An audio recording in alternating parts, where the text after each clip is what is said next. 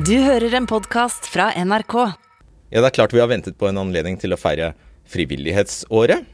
Og nå kom den, gitt. Fordi regjeringen har eh, bestemt seg for å gjøre et ganske synlig grep i statsbudsjettet. Ikke bare ostehøvelkutt, men faktisk å nappe ut 100 organisasjoner fra budsjettet som de henviser til søknad. Og det blir det, sånn blir det selvfølgelig bråk av. Og blant de som vel har vært mest høylytte, er eh, dyrevernorganisasjonen NOAH. Så vi starter med dem, men vi sveiper også over flere sektorer her, sånn at vi får et inntrykk av eh, hva slags organisasjoner det er som får kutt.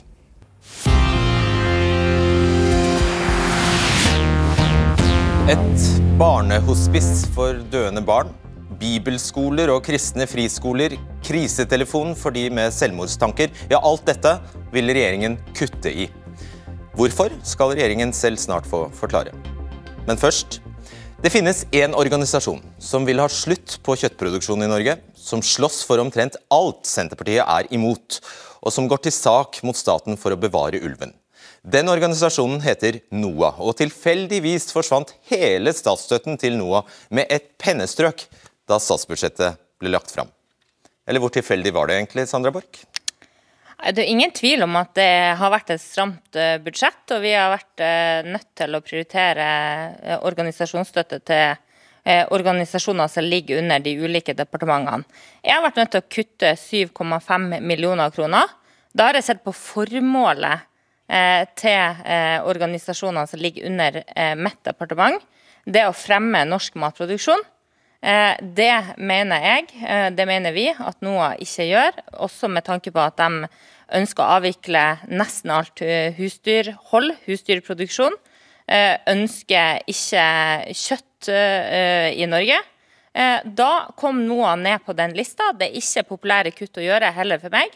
Og så vil jeg også i den sammenheng se at det er ganske mange andre organisasjoner, de fleste organisasjoner som er for kutt, men NOAH kom ned på den lista ut ifra det formålet som jeg som landbruks- og matminister jobber for, nettopp å fremme norsk matproduksjon. Så da skjønner vi at det var helt bevisst, en helt bevisst handling fra eh, din side å stryke dem helt?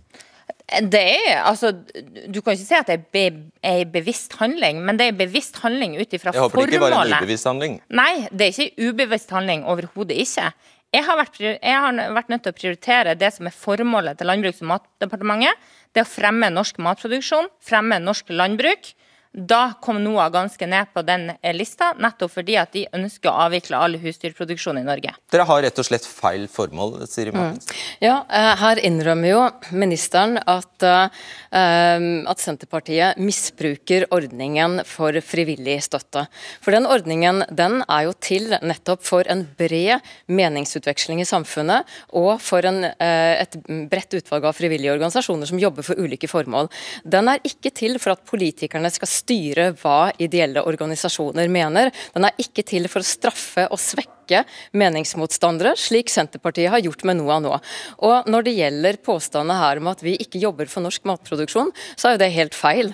Vi jobber for et bærekraftig landbruk, men vi mener at et bærekraftig landbruk er et mer plantebasert landbruk for dyrenes skyld, for å unngå masseproduksjon av dyr, for klimaets skyld og for naturens skyld, for at ikke kjøttproduksjonen skal fortrenge ville dyr. Og så handler jo dette selvsagt også om de ville dyrene. Vi er i rettssak med staten, og da smaker det veldig dårlig at Eh, regjeringen velger å kutte støtten til en organisasjon som avslører at de gjør ulovlige vedtak mot truede dyr som ulven. Jeg vil si at Det er ikke en rettighet for noen organisasjoner å ha en post på statsbudsjettet. Det tror jeg også NOAH skjønner. Eh, og så kom jo NOAH inn på statsbudsjettet i 2016 under Sylvi eh, Listhaug. Eh, vi har valgt å gjøre politiske prioriteringer. Jeg har valgt å gjøre politiske prioriteringer ut ifra den situasjonen vi står i nå. Jeg velger å fremme organisasjoner som fremmer norsk matproduksjon. Som fremmer norsk landbruk. Det er det ja. som er det viktigste for min del. Men, og ikke en organisasjon som sier at altså, vi skal legge ned husdyrproduksjon og forby norsk jakt. Ja, Du definerer det som kjøttproduksjon. Men FNs klimapanel og FNs naturpanel mener at vi bør sterkt redusere kjøttproduksjonen og øke den plantebaserte produksjonen. Så det NOAH jobber for, det er bra for naturen, det er bra for dyrene, det er bra for klimaet. Og du bidrar altså til å svekke styrke eh, muligheten for NOAH til å løfte den debatten. Men en annen ting du glemmer, det er at ditt departement har også ansvar for dyrevern totalt sett. Eh, og ditt, formålet med ditt departement bør være å styrke dyrevernorganisasjonene generelt. Men i stedet så har Er det ikke derfor har hun beholder støtten stort sett til de to andre, nemlig Dyrevernalliansen og Dyrebeskyttelsen? Eh, ja, men da sorterer man jo da i formål, og så sier man at en dyrevernorganisasjon den er nødt til å være for visse former for drap av dyr, visse former for plaging av dyr, for å få støtte. Så da styrer man altså frivilligheten. Så har jo Senterpartiet vært imot avvikling av pelsdyroppdrett, avvikling av eksotiske dyr i sirkus. De har til og med stemt ned strengere straffer for dyremishandling. Alt dette har NOAH jobbet for, og selvfølgelig også da de truede dyrene, truede rovdyrene. Hva er det neste? Skal du strupe alle organisasjoner som jobber for et vegetarisk kosthold?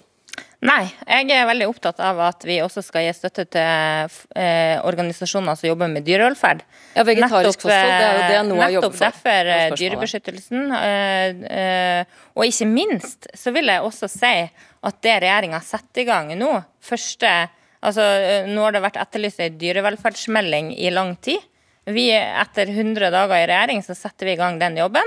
Og så må jeg jo si som eh, statsråd for Landbruks- og matdepartementets side, at jeg er veldig glad for at vi har klart å styrke Mattilsynet. som Nei, det har dere ikke. De eh, får reelle kutt, de også, eh, med, har vi faktisk prioritert med 40 millioner ekstra Ja, men det siste det året. Og det er viktig med tanke på at vi skal ha et fagmiljø Mm. og et kunnskapsbasert miljø som er med på å rette eh, Men man vil ikke ha en bred debatt om dyrs rettigheter. Man okay, vil ikke ha en bred debatt om landbruk og det bærekraftige landbruket både for dyr og natur som vi trenger for fremtiden. Den debatten den vil man hemme, og derfor så tar man altså støtten vekk fra NOAH.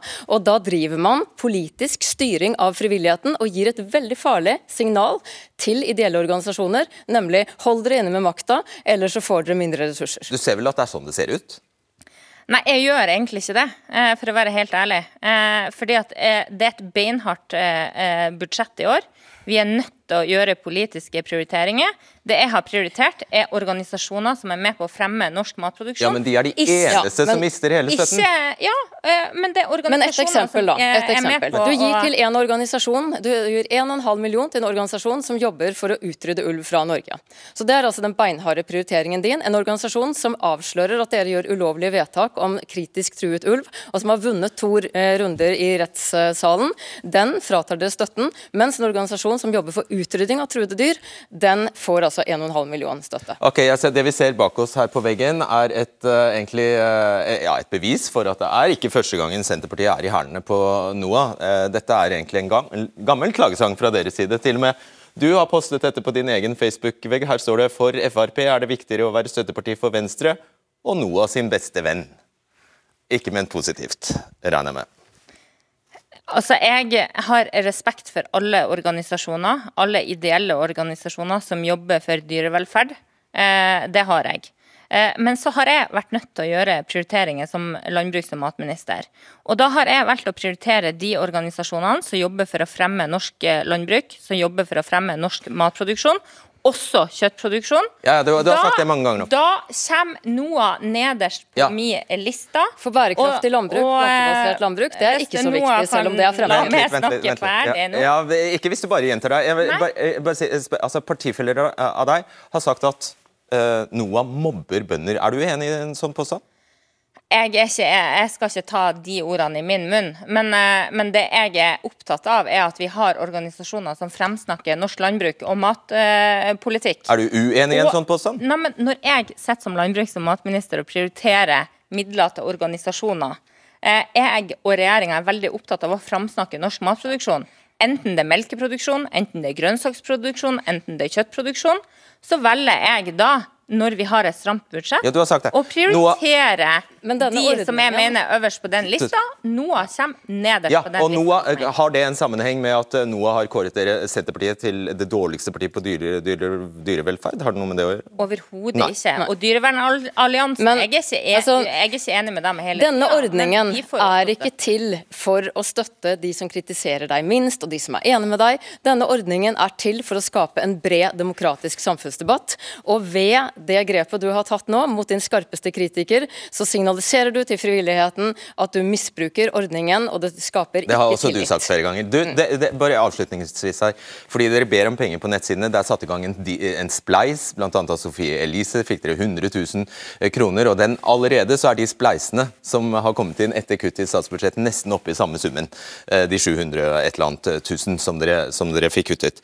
Dere er jo ikke, dere trenger strengt tatt ikke særlig mye, penger, er, mye mer altså, penger, altså Siri Martinsen. Dere, for, skal, ja, det skjønner jeg at dere er glad for. Glad for det, men vi trenger mer penger. Ja, men Jeg skal bare ta noen tall for, tall for ja, seerne her. I så fall for, så må du også ta tall fra de andre organisasjonene. Ja, ja, det, jeg kan si det. Vi har en omsetning på 24 millioner. Vi har mellom 20 og 30 ansatte.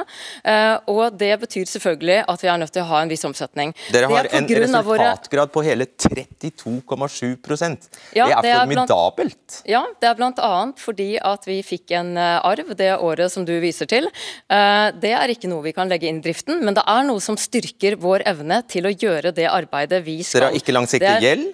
Nei, det er noe som eh, Som sagt, vi har en sunn økonomi fordi vi må vokse. Vi Dere har bankinnskudd på 28 millioner? Ja, altså det er en buffer på ett års drift som vi har. Så vi har sunn økonomistyring. Det du sier nå, det bekrefter jo at vi har sunn økonomistyring. At det er mange som støtter noe av. Vi har 17 000 medlemmer, og det er vi utrolig glad for. For det bidrar til Trenger du da disse 700, er det 700 000 kronene, er egentlig poenget? da? Uh, ja. Og da må du spørre trenger de andre det også? For Hvis du da leser opp de samme tallene for hele den rekka som får støtte, så er det jo omsetning opp i over 70 millioner. Det er jo uh, flere millioner i buffer, og det er flere millioner i såkalt overskudd. Og det er alle mulige former for organisasjoner også som får støtte. Så det som skiller oss, det er at vi er i rettssak med staten, at vi jobber for alle dyrs rettigheter, at vi er uenig i Senterpartiets okay. Fem sekunder får du til å avslutte her. Ja, altså jeg tror NOAH Dette velter ikke NOAH, eh, det er jeg helt sikker på. Eh, og NOAH er kanskje den organisasjonen som kommer til å få eh, mye støtte pga. dette. Det er mange Definitivt. andre enkelte organisasjoner som ikke kommer til å få den støtten. Vi må kutte kutte men det i et stramt budsjett, når vi må kutte i matsentralene, ja. så men setter dette litt i perspektiv. ja, setter litt i perspektiv. Du gir 1,5 million til noen som vil utrydde ulver fra Norge, Nå og du vi... gir millioner i økt støtte til jakt og hjorteoppdrett. Okay, vær snill. Ja. eh, prioriterer ikke stramt, Sandra. Du velger å bruke, en, ordne, nei, du velger å bruke en ordning eh, som skal være objektiv, nei, nei, nei, på en måte som ikke er objektiv. Det er det prinsipielle. Og jeg står inne for det. Greit. Takk. Fortsett på bakrommet. Takk skal dere ha. Ja, Salig er den som kommer seg inn på et norsk statsbudsjett. Ifølge Finansdepartementet finnes det minst 891 tilskudd på til sammen nesten 13 milliarder kroner.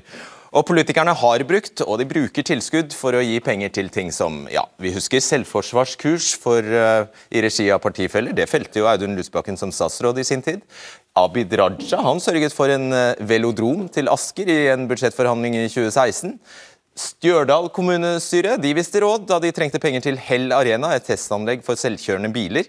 Og Redningen ble Venstres stortingsrepresentant André Skjelstad, som sørget for en halv million til arenaen i hjemfylket. En annen som har hilst hjem, er KrF-politiker Geir Jørgen Bekkevold. Han har, har, har, fått æren for en 1 million kroner til Porselensmuseet i Porsgrunn. Og det var Frp, som blant andre Frp tror jeg skal si, som fikk inn 30 millioner til et barnehospice i Kristiansand, som vi snart skal snakke mer om. Og så, ja, for ikke å glemme, HRS har jo vekselsvis vært en kjæledegge og en prygelknabbe etter at Frp fikk dem inn på statsbudsjettet. Men nå vil regjeringen rydde. Det skal ikke være trynefaktor eller politisk gunst som avgjør hvem som får støtte, og derfor legger regjeringen om ordningen fra å navngi organisasjoner på statsbudsjettet, også kalt øremerking, til å gjøre det søknadsbasert. Så nå skal det altså sikre konkurranse og like vilkår og rettferdig tildeling. Denne runden starter vi med deg, Natasha Pedersen. Du er generalsekretær i Foreningen for barnepalliasjon. Dere har fått 90 millioner av staten, 87 millioner fra Kristiansand kommune til å starte og bygge Andreas hus, som altså skulle bli et barnehospice. Og så har dere fått løfter om mange flere penger, 30 millioner i året fram til 2024 for å drifte. Mm. Hva sto det og leste i statsbudsjettet om disse pengene? Nei, det var jo at denne regjeringa og statsråd eh, og helseminister eh, kutta tilskuddet vårt fire dager før vi fikk eh, nøklene til Norges første barnehospice. en beslutning som eh, Stortinget tok i 2020, og som òg denne regjeringa stilte seg bak i fjor. Hva er et barnehospice? Et barnehospice er et sted for alvorlig syke og døende barn og deres familier som skal komme underveis i et alvorlig sykdomsforløp for å få hjelp, støtte, veiledning, for å styrke ekstreme dager, for å gi håp der håpet ikke kommer i form av medisinsk behandling. Rett og slett en helhetlig omsorg for hele familien som tar seg tid og er til stede, for å hjelpe disse familiene til å skape minner. Er det sånn at dere trenger 30 millioner hvert år for å sikre drift av dette senteret, eller kunne dere klart det med mindre penger? Eh, nå er det jo sånn at vi eh, fikk et stortingsvedtak eh, i 2020 som ble fulgt opp av denne regjeringa nå i 20, eh, forrige år, eh, der det var tydelig at eh, regjeringa og Stortinget stiller seg bak en femårig nasjonal pilot for Norges første barnehospice. Og det var jo viktige ting som gjorde at vi satte i gang et prosjekt med å bygge. Vi har ansatt folk, 17 eh, ansatte. Vi har utvikla utdanningsprogram eh, i form av skreddersy utdanning. Og vi har jo ikke minst bygd et bygg som står klart nå, og som vi har fått nøklene til, og sannsynligvis må lukke før jul. Ikke sant? Jeg bare lurte på, er, tror du det, er det mulig å drifte dette for under 30 millioner i året? Eh, nei, det er det ikke. Og når det gjelder bevilgninger, så er det langt mindre enn det faktisk kosta. Og i og med at vi fikk dette oppdraget av Stortinget, som også var et formål om at vi skulle øke bevilgningene Vi får faktisk ikke lov å tjene penger på disse 30 millionene. Så vi får ikke lov å skape merverdi av de pengene vi skulle få. Jeg skjønner. Det er eh, dere, Carl Kristian Bekking, statssekretær i Helse- og omsorgsdepartementet fra Arbeiderpartiet, som også har foretatt dette eh, kuttet. Hvorfor? Det er fordi vi nå har et ekstremt stramt eh, statsbudsjett, og, hvor det er nødvendig å se om det er flere aktører som gjør noe av de samme tingene på et område. Eh, og Der hvor det er det, så fjerner vi øremerkinger og så slår vi det sammen til en felles tilskuddspott som flere kan søke fra. Men dette huset står jo der. Det har jo fått 90 millioner fra staten for å bli bygd. Og det vil fortsatt kunne søke fra en pott på over 50 millioner kroner, sammen med andre aktører som også tilbyr hospice kan de risikere å ikke få noe, noen ting? Det stemmer ikke, Carl Christian. For sjefen din, som var på besøk til oss i Kristiansand i juni, sto og sa, og snakka rett til oss og sa at dette var kjempeviktig. Vi skulle høste erfaringer fra dette. Og hun var veldig stolt, og hun gleda seg til fortsettelsen. Så det du sier her, Carl Christian, det er rett og slett bullshit. Okay. Du har rett og slett tatt bort fem, et et stortingsvedtak. Du har tatt bort det som skal være det norske demokratis viktigste talerør, og det er det Stortinget beslutta. Okay. Så dere bare enter, uh, trykte enter på en bevilgning. Og du sier det at Nei, 50, jeg bare stopper deg der. Jeg stopper deg der. Det at 50 millioner, det er 50 millioner som fire tilskuddsmottakere skal søke på. Det er en åpen post som er fritt fram for alle, og alle her er godt i gang med sine ting. Og det er vi som driver og skal skal starte Norges første barnehospice, okay. som nettopp dere har tatt bort fra døende barn og familier. Ok, nå må du få svar på det. Ja, og, og, Dere har jo da også mottatt over 90 millioner eh, til dette formålet. og da er det slik at Når vi har et strammere statsbudsjett, så er det noen øremerka mottakere som har falt helt ut. Men vi ser også at vi ønsker å la penger gå til dette formålet ja. likevel, og har opprettet en pott på 50 millioner hvor det går an å søke. I tillegg så kutta dere den hele potten her med 30 millioner. Altså Dere har redusert den med å ta bort 30 millioner, og det er fire virksomheter som skal drive under dette. Det okay, skaper en ufattelig uforutsigbar situasjon for alvorlig syke og døende barn. Det kan bare ikke være sånn at denne regjeringa kan stå og se på at dette skjer som dere sjøl har bestemt å stille dere bak i Stortinget i fjor. Ok, Jeg må bare kni nei, jeg må knippe deg der. Jeg må knippe deg, jeg må knippe deg der, for Vi har også med oss Lasse Heimdal, du er generalsekretær i Kirkens SOS. En litt annen problemstilling for dere. Dere får 28 millioner i statsstøtte, uh, har uh, et budsjett på 56 eh, millioner og har fått beskjed om at nå må dere søke på pengene. Hva, hva fører det til for dere? Vi mottar nærmere, altså over en kvart million henvendelser i året fra desperate mennesker som er uh, bånn fortvila Og mange også lurer på uh, meningen med å leve livet videre. Når vi nå kommer i spill mye av dette arbeidet ved at halvparten av inntektene våre skal gjøres søknadsbasert, så betyr det først og fremst at når vi skal starte året vårt nå snart, vi er i gang med planlegging, så har vi en ganske stor usikkerhet. Det betyr at vi kan ikke sette i gang tiltak, vi må kanskje redusere innsats for opplæring og opptrening av frivillige. Eh, det kan gå utover ansatte. Og først og fremst, dette eh, kan ramme mennesker i en desperat livssituasjon som er helt avhengig av å ha noen å snakke med. Eh, ja, Dere gjør jo en kjempejobb. og Det finnes også andre aktører som tilbyr hjelpetelefoner som også ønsker tilgang på den type midler. Og det vi gjør her er jo å legge sammen flere øremerkede midler til en tilskuddspost på 70 millioner, som både dere og flere andre kan søke på. Og så må vi sørge for at eh, det å søke på disse pengene blir både enkelt og tidlig tilgjengelig, slik at dere får eh, den tryggheten Er den søknadsordningen på plass? De, vi har allerede begynt å lage et utkast til den eh, søknadsordningen. I påvente at hvis budsjettet blir vedtatt, så skal vi raskt kunne klare å gjøre det mulig å søke penger. Har dere kriteriene klare? Er, ordningen, er, er det tekniske på plass? Eh, mye av det tekniske ligger allerede i måten man lager tilskuddsordninger. og så er kriteriene til dels gitt i budsjettet. Og så er det selvfølgelig en komitébehandling i Stortinget som også vi må se til når vi lager de endelige regelverkene. Og Det dette betyr, eh, statssekretær, det betyr altså at det er ikke noe regelverk ennå helt på plass. Det er fortsatt stor usikkerhet når uh, dette kan være avklart, både hva vi kan søke på, hvordan vi skal søke, og når pengene kommer. Du har fått avklart ditt budsjett for neste år. Det har ikke vi. Hva er det vi skal gjøre?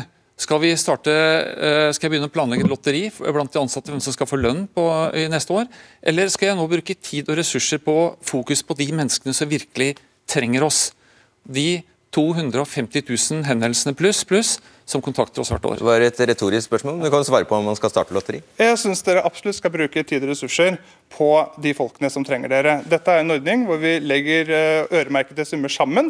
Summen er like stor som de alle øremerkningene vi legger inn. Og dersom dere gjør noe av det samme, så tror jeg også at summen kommer til å ligge i det samme området. Og så er det slik at det kanskje er noen aktører her som får mer ut av disse pengene enn andre. Og det er jo det som er poenget. I stramme tider så må vi prøve å få mest mulig ut av pengene. Det er jo litt skuespill, for det er en pott som egentlig ikke øker økes. ikke sant? Og det er bare to store nasjonale aktører som er i stand til å levere de tjenestene som det er behov for. Det er Mental Helse og oss, som går på jobb, både med mange ansatte med frivillige, når mye av det andre helsevesenet går av. Eh, det kan vi ikke gjøre. Det er så mange... Da har du ikke så mye å frykte? Det er så mange mennesker som er, som er i en sånn fortvilet situasjon.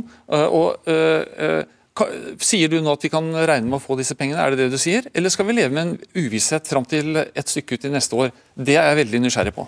Jeg kan ikke garantere dere pengene, men jeg kan, kan, garantere dere at den samme summen eh, er like stor. Og jeg kan garantere dere at vi skal jobbe raskt med å få på plass et regelverk.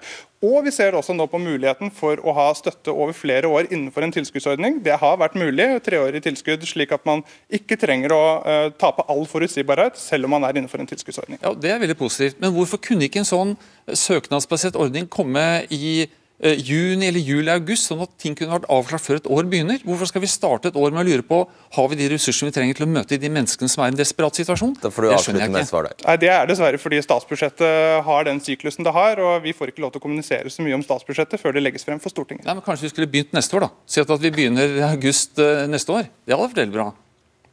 Ok. Eh, tusen takk, Lasse Heimdal og Natasha Pedersen, og deg ser vi mer til straks. Og dersom du nettopp slo på denne sendingen, så kan du bare spole deg tilbake til start i NRK TV. Ja, Mens noen får kutt for, og får mulighet til å søke på de samme pengene som vi hører her, så er ikke de kristne friskolene og bibelskolene like heldige. De får rett og slett bare kutt. Og det er uh, du som representerer de kristne friskolene, det er Jorunn Halleråker Heggelund. Du er generalsekretær i Kristne friskolers uh, forbund dette blir kroken på døra for mange av dine medlemmer, sier du. Hvorfor det? Ja, dette er jo dramatiske kutt til friskoler og enkelte friskoler. Eh, men ikke bare er det kristne, eh, og det er jo veldig alvorlig. Eh, de fleste land i Europa har friskoler, som betyr at man, eh, som er mer eller mindre offentlig finansiert. Eh, og Det er jo veldig bra, fordi det betyr at det er ikke lommeboka som skal avgjøre om man skal få lov til å gå på disse skolene. Og Våre friskoler det er ideelle skoler som ikke har kommersielle interesser. Og elevene våre de har allerede et lavere tilskudd enn det man har i den offentlige skolen. Hvor mye er det regjeringen kutter på disse eh, bibelskolene, friskolene? og de, hva, hva, Hvor mye er summen? Det reelle kuttet for neste år er 40 millioner, 40 millioner. og så for 2024 så kan det jo være enda større. Og dere kan ikke søke på disse pengene? som vi hører? Nei, det er reelle kutt. Det er bare kutt. Ok. Hvorfor det, Halvard Høll- Hølleland? Du er statssekretær i Kunnskapsdepartementet for Arbeiderpartiet. Det viktigste er jo at vi nå har lagt frem et stramt budsjett der vi må prioritere hardere. Når det gjelder private skoler, så er det jo sånn at de får det samme som de offentlige skolene får, et snitt av hva de offentlige skolene får. Men så har en del private skoler over tid eh, fått eh, særtilskudd i tillegg. En slags bonusordning der man får penger eh, i tillegg til hva de offentlige skolene får. Og Da er det mange private skoler som har kommet til oss og sagt vi ønsker også å få dette tilskuddet. Offentlige skoler. Ja, Det kan være penger, særtilskudd som kan ha gått til instrumenter, for, til musikklinja, til baller, til fotballinja osv.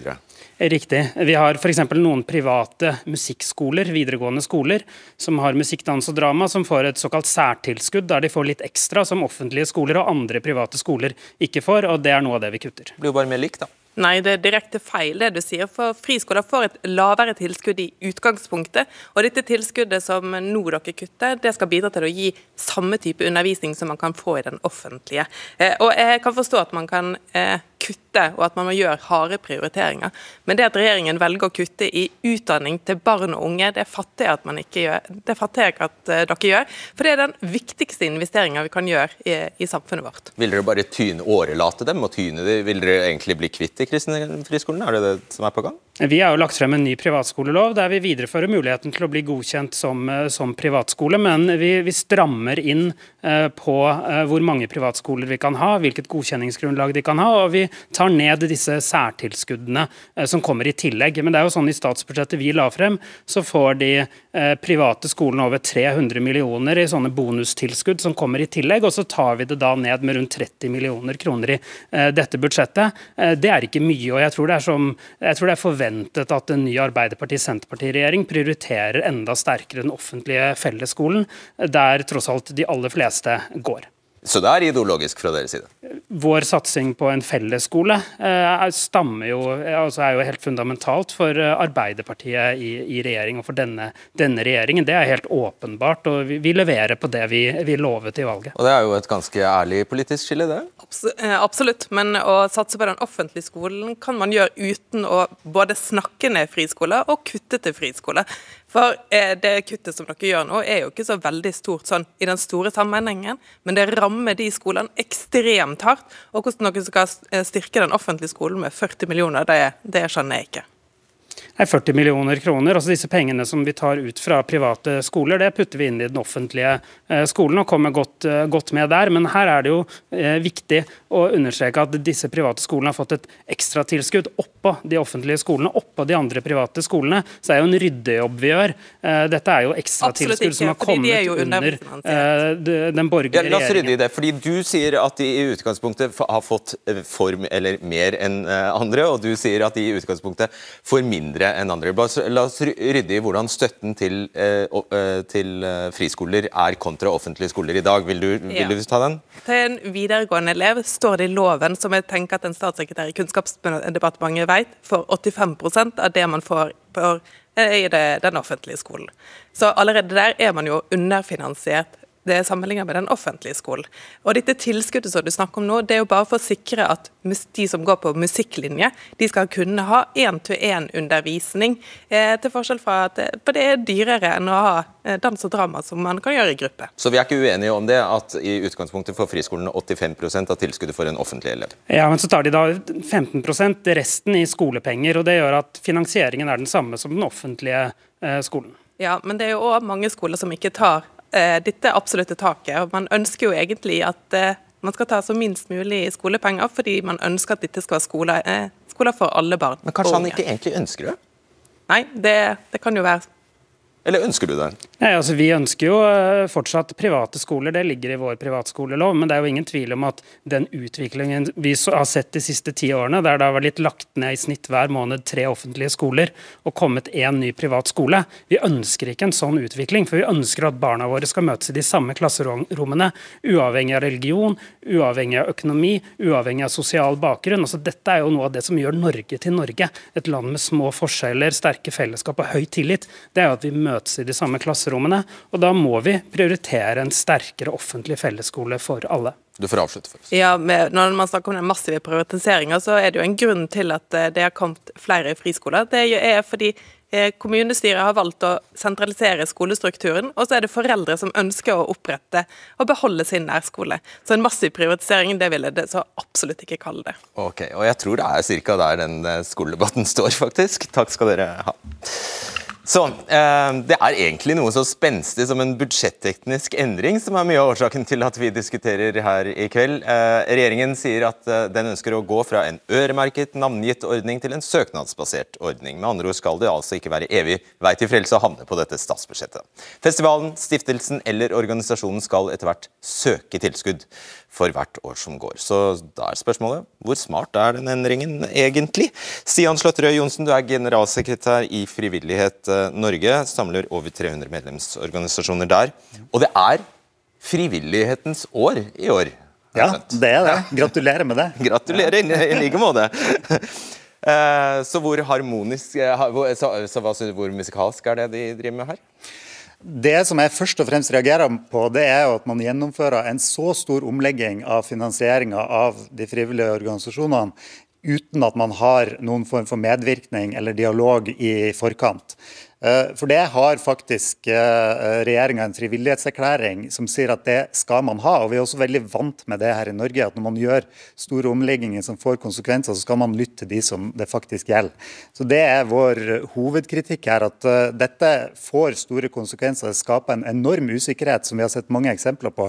Og man har altså ikke brukt den muligheten som man har til å snakke med organisasjonene i forkant. Ja, Her er en utfordring at vi må, vi må presentere statsbudsjettet i sin helhet. og, og jeg vil bare nevne at... Nei, nei, nei Dere leker jo som en sil fra det statsbudsjettet, så det, det, kunne dere jo godt ha gjort. Nei, altså Lekkasjer uh, kan jeg ikke kommentere, men det har, altså, strukturendringer i statsbudsjettet har vi jo ventet med til når vi leverer statsbudsjettet. Men jeg vil si at på øremerking så er det to grunner til at vi gjør dette grepet. Og Det ene er at det er urettferdig. Altså Når store summer bindes opp til navngitte mottakere med spesifikke summer, så binder det opp fra andre aktører som kanskje kunne tenke seg å komme inn. Og I et stramt budsjett så er grunn nummer to veldig viktig. og det er at Vi må ha mer effektiv bruk av de pengene vi allerede har. Det å ha øremerkinger over veldig veldig mange år gjør at man kanskje ikke eh, justerer seg i trakt med tiden og endrer seg. Eh, vi det er en slags konkurranseutsetting i, i ideell sektor dere driver med her? Det vi holder på med her, er at når du må søke om tilskudd og vise hva du bruker pengene til, så kan du risikere at du får mindre penger neste år dersom du f.eks. ikke møter like mange, ikke når like mange. Den vi møtte her i sted, som snakket om hvor mange de tok eh, telefonen til, de er en aktør som viser veldig tydelig at de er gode for de pengene de får. og Det må vi kunne forvente når vi har et stramt Nå mener også denne regjeringen at konkurranse er sunt. Er det mulig å være uenig i det? Uh, altså jeg føler ikke at uh, jeg fikk et ordentlig svar på det jeg utfordra på. Altså det er faktisk mulig å ha en dialog også om omleggingen. Det har vi sett mange ganger på, på tilskuddsfeltet. Men det framstilles også som at det at man står på uh, en linje på statsbudsjettet, betyr at man ikke søker pengene, at de bare kommer på konto automatisk. Og Det er jo faktisk ikke riktig heller. For man søker jo om midlene i alle fall. Så ser vi jo at det kan være grunner til å ha åpne ordninger, og det kan være grunner til å ha lukka ordninger som er øremerka. Men her er det ikke mulig å vite hva det er regjeringa legger til grunn. Eh, det er fjerna 100 øremerkinger i år. Eh, hvor mange hundre er det målet at man skal fjerne framover? Vi ønsker en dialog om de tingene her på sikt. ja, det er riktig, eh, Kjell Ingolf Ropstad, som Johnsen sier her. Det er altså Starten her er 100 organisasjoner som bare er fjernet fra statsbudsjettet, men det gjenstår 800. Hva vil du, eh, Hvorfor er, dere, er du imot at det skal bli søknadsbasert? For det høres jo eh, mye mer rettferdig ut. Altså Det er jo en kombinasjon i budsjettet, eh, men jeg er jo enig med det Frivillighet Norge sier. og Derfor syns jeg det er litt sånn det er rene ord for penger som kommer. Altså, En sier jo egentlig at de ikke gjør en god jobb, de ikke klarer å snu seg rundt. Eh, og Hvis det er noen som virkelig klarer å snu seg rundt raskt, så er det jo frivillige organisasjoner. Men nettopp vært gjennom en pandemi. Eh, noe av det vi virkelig klarte å bruke i vanskelige situasjoner, det var jo ideelle og frivillige organisasjoner. Ja, og De vil jo bare ha mer frivillighet for pengene. Jo, jo men, men, Ja, det, det, kan du si. Men det de gjør, er jo at Frivillighet Norge og alle organisasjonene der må bruke tid på å søke. De, må, de skaper en enorm uforutsigbarhet. og og det, det, føles av og til som at en tenker på frivilligheten som bare dugnad og litt sånn der ja, Det er ikke kvalitet, dette er bare noe som gjøres der. Men, men hvis du snakker om Gatehospitalet, f.eks.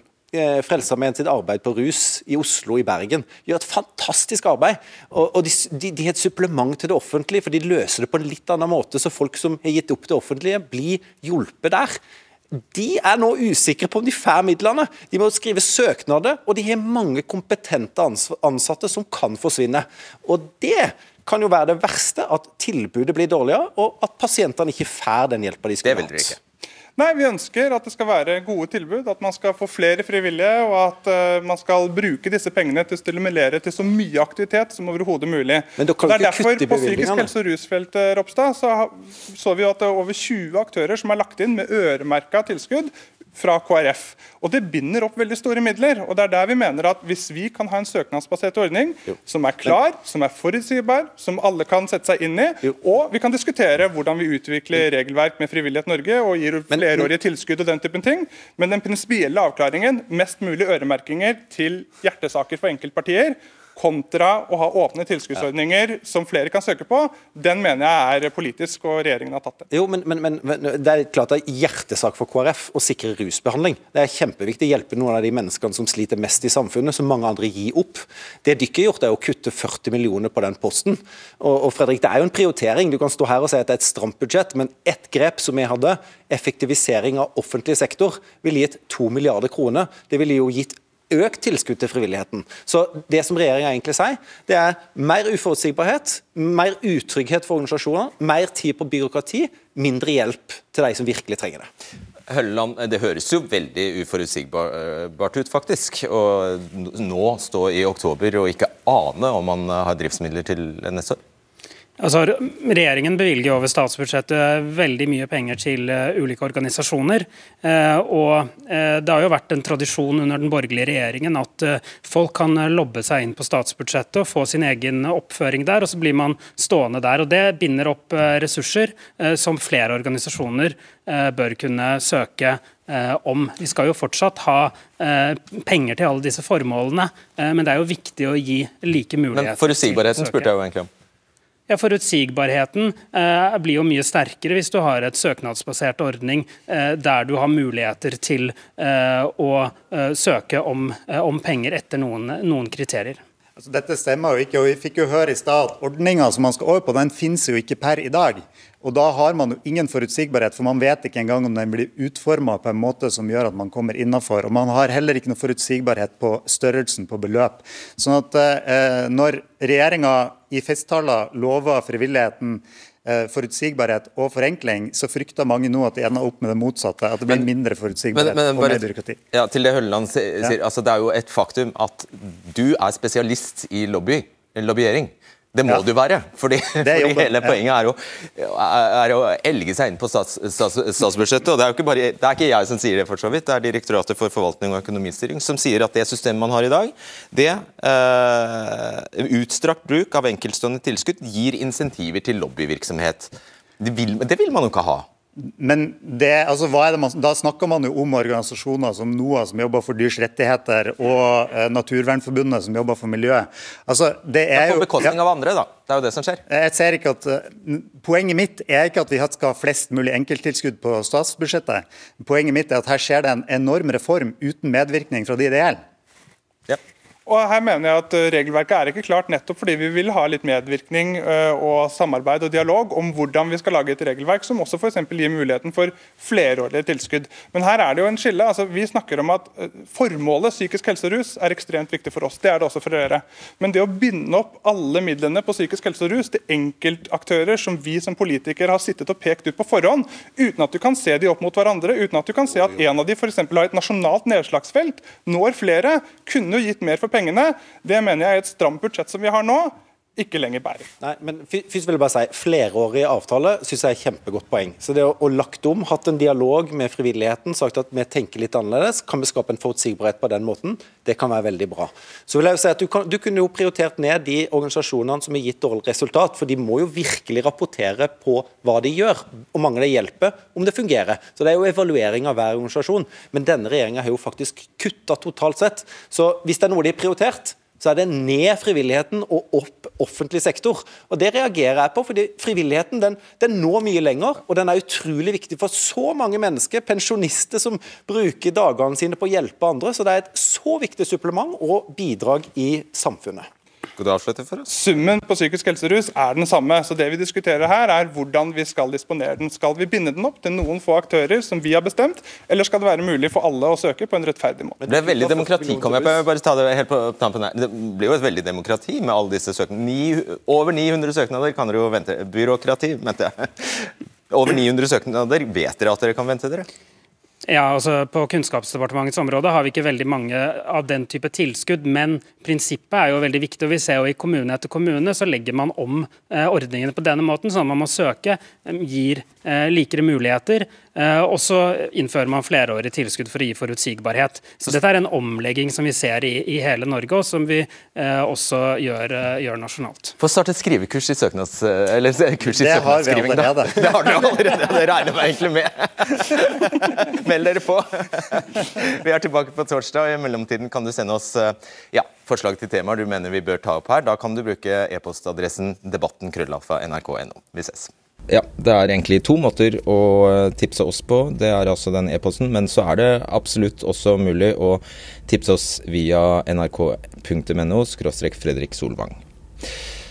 Jeg er glad for at du hører podkasten, og hvis du har synspunkter på den, så bruker du også samme e-postadresse. Vi høres. Ha det. Du har hørt en podkast fra NRK. De nyeste episodene hører du først i appen NRK Radio.